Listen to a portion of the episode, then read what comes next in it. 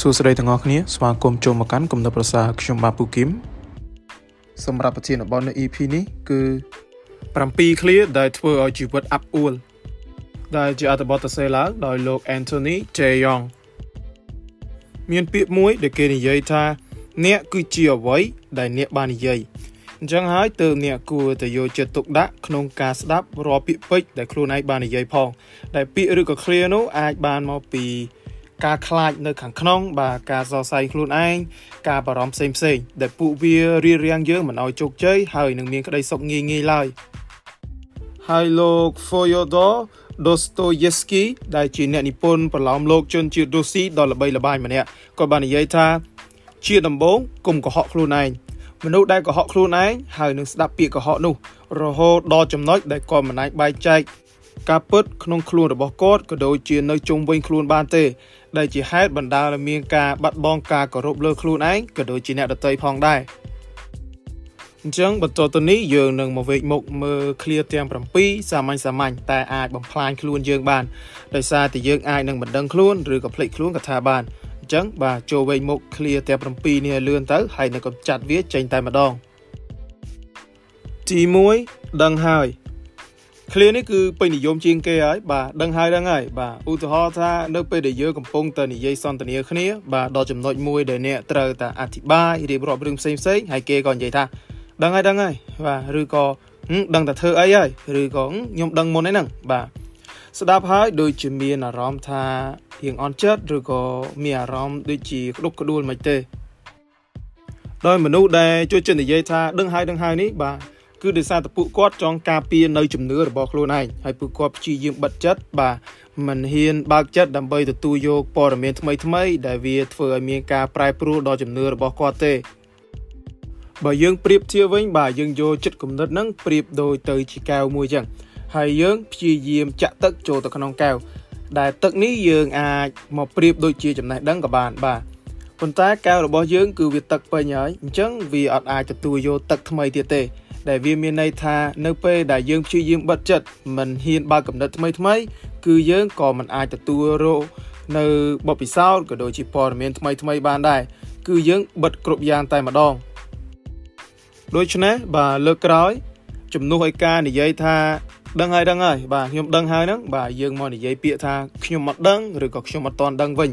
ដែលយើងចាប់ផ្ដើមទទួលស្គាល់បាទថាខ្លួនយើងមិនមែនចេះគ្រប់យ៉ាងទេ ពេលខ្លះក៏យើងអាចខ្សោយនៅចំណេះដឹងអ្វីមួយដែរ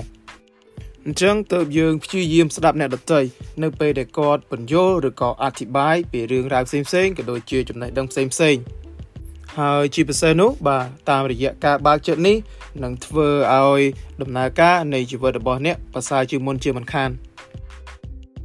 ទី2មិនមែនខ្ញុំទេ អ្នកទាំងអស់គ្នាប្រហែលជាធ្លាប់ជួបមនុស្សមួយចំនួនដែលគាត់និយាយថាខ្ញុំចូលចិត្តនិយាយត្រង់អញ្ចឹងមិនចេះទុកដាក់បាទបើបរោះស្ដាប់វាមិនមែនខ្ញុំទេដែលប្រយោគនេះយើងអាចប្រែបានថាខ្ញុំមិនចង់ផ្លាស់ប្ដូរដូច្នេះខ្ញុំនឹងមិនផ្លាស់ប្ដូរឡើយដោយលោកសាស្ត្រាចារ្យ Benjamin Hardy គាត់បានបញ្យល់ថាមនុស្សជាច្រើនតែងតែចូលចិត្តចំណាយពេលជាច្រើន នៅក្នុងការរៀនក៏ដូចជាស្គាល់ពីខ្លួនឯងថាខ្លួនឯងជានរណាឬក៏ជាអ្វីដែរ ប៉ុន្តែអ្វីដែលពួកគេគួរតែធ្វើនោះគឺពួកគេគួរតែព្យាយាមបាទស្គាល់ថាតើអនាគតដែលគេចង់បាននោះ គឺជាអ្វីឬក៏ជាអ្នកណា ទៅវិញទេដូច្នេះអ្នកជានរណាឬក៏អ្នកជាអ្វីដែរវាមិនសំខាន់ទេអ្វីដែលសំខាន់នោះគឺតើអនាគតអ្នកចង់ក្លាយជាមនុស្សបែបណាបាទអញ្ចឹងឈប់ការពារខ្លួនឯងបាទនៅអ្វីដែលអ្នកដឹងឬក៏អ្វីដែលអ្នកមាននឹងទៅ បាទហើយយើងមកព្យាយាម ប្រឈមមុខនឹងអ្វីដែលយើងមិនមានអ្វីដែលយើងមិនដឹងវាប្រសើរជាងទី3អត់ពេលខ្ញុំជឿថាអ្នកទាំងអស់គ្នាប្រហែលជាធ្លាប់ឮហើយក៏ដូចជាប្រើពាក្យនេះឡើងសឹកហើយបាទឧទាហរណ៍ថាយើងចង់ហាត់ប្រាណអញ្ចឹងយើងបបួពួកមកទៅហាត់ប្រាណពេលល្ងាចអីហ្នឹងចម្លើយដែលពួកយើងតែងតែឮបាទញឹកញាប់ជាងគេហ្នឹងគឺអូអត់ពេលឬក៏រវល់តែតាមការពិតទៅពួកគេមិនមែនអត់ពេលឬក៏រវល់ទេ គឺគ្រាន់តែពួកគេគិតថាវាមិនសំខាន់ហើយនឹងមិនតន់ចង់ធ្វើវាពេលឥឡូវនេះនេះឯងហើយត្រង់ចំណុចនេះយើងក៏គួរដឹងដែរថាភាពសំខាន់ហើយនឹងការចង់បាទរបស់មនុស្សម្នាក់ម្នាក់គឺផ្សេងគ្នាអ្វីដែលសំខាន់សម្រាប់យើងវាអាចនឹងមិនសំខាន់សម្រាប់គេក៏ថាបានអញ្ចឹងវាដូចគ្នាបាទអ្វីដែលសំខាន់សម្រាប់គេ វានឹងអាចមិនសំខាន់សម្រាប់យើងក៏ថាបានដែរ តែយ៉ាងណាមិញបើសិនជាអ្នកមិនចង់ហាត់ប្រាណបាទវាមិនអីទេប៉ុន្តែគុំកុហកខ្លួនឯងដោយសារតែវាអាចប៉ះពាល់វិធីនៃការគិតរបស់យើងឬក៏យើងនឹងក្លាយទៅជាមនុស្សដែលពោពេញទៅដោយលេសអញ្ចឹងបាទចាប់ផ្ដើមនិយាយថាអ្នកមានពេល ហើយនឹងចាប់ផ្ដើមស្មោះត្រង់នឹងខ្លួនឯងផងដែរបើសិនជាយើងមិនចង់ធ្វើប្រាប់ថាយើងមិនចង់ធ្វើបើសិនជាយើងចង់ធ្វើវិញគឺយើងត្រូវតែតាំងចិត្តហើយព្យាយាមធ្វើវាឲ្យទៅជាដំណើរការតែម្ដង ទី4ធ្វើពេលក្រោយ មនុស្សមួយចំនួនតែងតែផ្អាកនៅសកម្មភាពឬក៏ពជាពេលដោយនិយាយថាចាំខ្ញុំរៀនចប់សិនឬក៏ចាំខ្ញុំរៀបចំកិច្ចការនេះឲ្យសិនហើយខ្ញុំនឹងដើរតាមគោលដៅដែលខ្លួនឯងចង់បានជាក្រោយហើយបើសិនជាអ្នកទាំងអស់គ្នាធ្វើការសង្កេតនៅលើប្រយោគនេះយើងនឹងដឹងថាស្ដាប់មើលទៅដូចជាមិនមែនរឿងសំខាន់ឬហេតុផលអីទេស្ដាប់មើលទៅដូចជាលេសច្រើនជាង អញ្ចឹងបាទសូមលើកឧទាហរណ៍មួយទៀតដើម្បីឲ្យអ្នកទាំងអស់គ្នាឃើញរូបភាពកាន់តែច្បាស់ដោយមនុស្សមួយចំនួនចូលចិត្តនិយាយថាឥឡូវនេះសូមផ្ដោតលើការងារសិនហើយរឿងការស្រឡាញ់ឬក៏រឿងគ្រួសារស្នេហាហ្នឹងយើងទុកចោលសិនទៅហើយបើអ្នកទាំងអស់គ្នាជឿបែបនេះមែនប្រហែលជាខុសហើយបាទដែលតាមការពិតទៅ គឺយើងអាចធ្វើម្ដងទាំងពីរព្រមគ្នាបានដោយយើងគួរតែដឹងថាអាយុកាន់តែច្រើន គឺកាន់តែពិបាករកគូពីព្រោះថា ការមានគូនីមួយៗគឺត្រូវការពេលដើម្បីមើលចិត្តគំនិតគ្នាយូរមែនតើហើយបើអ្នកចាំថ្ងៃណាមួយដែល perfect ឬក៏ត្រូវចំពេលចំកន្លែងហើយយើងជោគជ័យហ្នឹងគឺប្រហែលជាគ្មានថ្ងៃក្នុងការចាប់ផ្ដើមធ្វើឡើយហើយវាមិនត្រឹមតែជារឿងស្នេហាគ្រួសារទេ យើងយកវាមកអនុវត្តនៅក្នុងគ្រឿងការងារក៏បានដែរដែលយើងត្រូវតែស្មោះត្រង់ជាមួយខ្លួនឯងហើយនឹងហ៊ានសួរខ្លួនឯងថាតើយើងមានឆន្ទៈនៅក្នុងការ ធ្វើនៅកិច្ចការអ្វីខ្លះហើយនឹងមានឆន្ទៈនៅក្នុងការលះបង់ក៏ដូចជាពលីនៅការងារអ្វីចោលខ្លះដែរដើម្បីទទួលបានអ្វីដែលយើងចង់បានពិតប្រាកដហើយម្យ៉ាងវិញទៀតដើម្បីទទួលបានភាពជោគជ័យក្នុងការឈានទៅដល់គោលដៅដែលយើងចង់បាន គឺយើងត្រូវការរបស់ពីរដែលទី1នោះគឺការលើកទឹកចិត្តហើយទី2នោះគឺវិន័យ ដោយដំបូងបាទយើងអត់ដឹងតែខ្លួនឯងត្រូវការអ្វីឲ្យពិតប្រាកដទេអញ្ចឹងយើងប្រើប្រាស់ជីវិតរឿយៗរហូតដល់ថ្ងៃណាមួយបាទយើងបានជួបរឿងប្លែកឬក៏រឿងអស្ចារ្យបាទដែលធ្វើឲ្យយើងមានការលើកទឹកចិត្តឬក៏ motivation អ្នកខ្លះក៏ស្ដាប់តាម quote របស់អ្នកជោគជ័យអ្នកខ្លះទៀតក៏ចង់ផ្លាស់ប្ដូរជីវិតខ្លួនឯងអញ្ចឹងមិនថារឿងអីទេ បាទឲ្យតែអ្នកមានទឹកចិត្តនៅក្នុងការចង់ធ្វើអ្វីមួយប៉ុន្តែបាទនៅពេលដែលយើងចាប់ផ្ដើមធ្វើវា បាទយូរយូរទៅថ្ងៃខ្លះក៏យើងមានអារម្មណ៍ទៅចង់ធ្វើ ហើយថ្ងៃខ្លះទៀតក៏យើងមិនចង់ធ្វើអញ្ចឹងបាទទី2គឺវិន័យតែម្ដងមិនថាអ្នកចង់ធ្វើឬក៏អត់ទេ បាទយើងត្រូវតែដឹងថាយើងត្រូវតែធ្វើវាជាដាច់ខាតដោយគ្មានលេសឬក៏ការពន្យាពេលអ្វីឡើយទី5ខំអស់សមត្ថភាពហើយលោក David Jocklin បាទគាត់បានសួរសំណួរមួយទៅអ្នកដែលកំពុងតែខំប្រឹងសិក្សានៅឯសាលា ដោយពាក្យរបស់គេតែងតែចូលចិត្តនិយាយថាខំអស់សមត្ថភាពហើយអញ្ចឹងសំណួរនោះគឺថាតើអ្នកនៅពេលដែលនិយាយថាខំអស់សមត្ថភាពហើយដែរហ្នឹងគឺគេផ្អែកលើអ្វីដែរ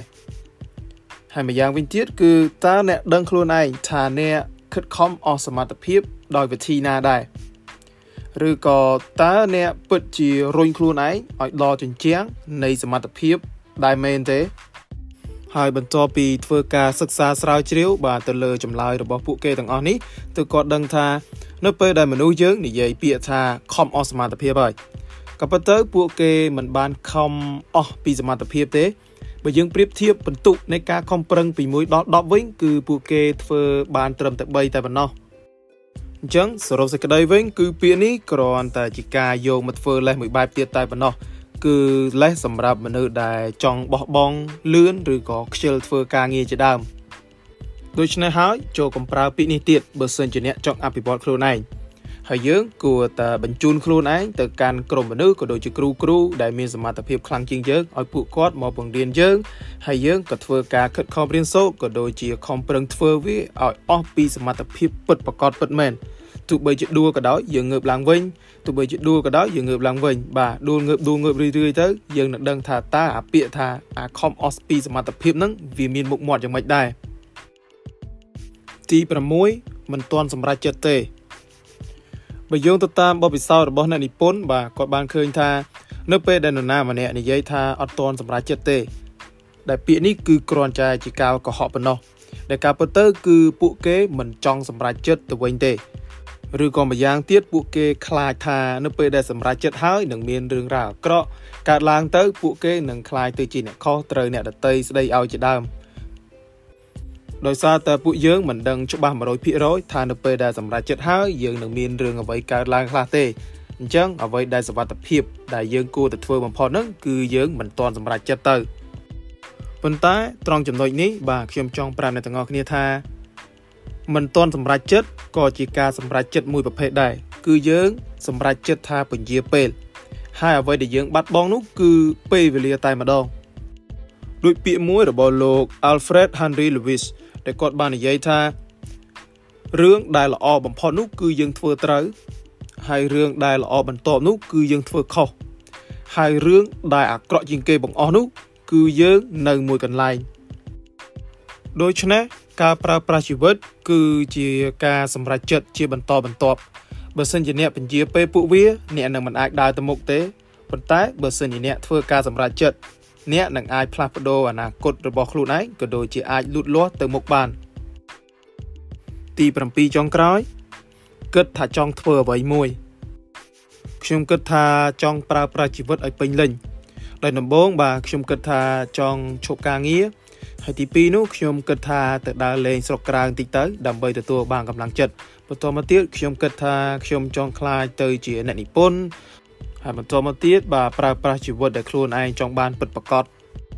ហើយបន្ទាប់ពីអ្នកទាំងអស់គ្នាស្ដាប់នៅប្រយោគទាំងអស់នេះហើយបាទតើគិតយ៉ាងម៉េចដែរសម្រាប់អ្នកនិពន្ធវិញបាទគាត់បាននិយាយថា នៅពេលដែលគាត់ឮការនិយាយទាំងអស់នេះបាទ9នៃ10ហើយ សម្រាប់អ្នកដែលគិតថាចង់ធ្វើអ្វីមួយហ្នឹងគឺពួកគេគ្មានថ្ងៃធ្វើវាឡើយដោយបញ្ហាដែលពួកគេមិនបានធ្វើវានោះគឺដោយសារតែការគិតថាចង់ធ្វើអ្វីមួយវាគ្រាន់តែជាការគិតទេ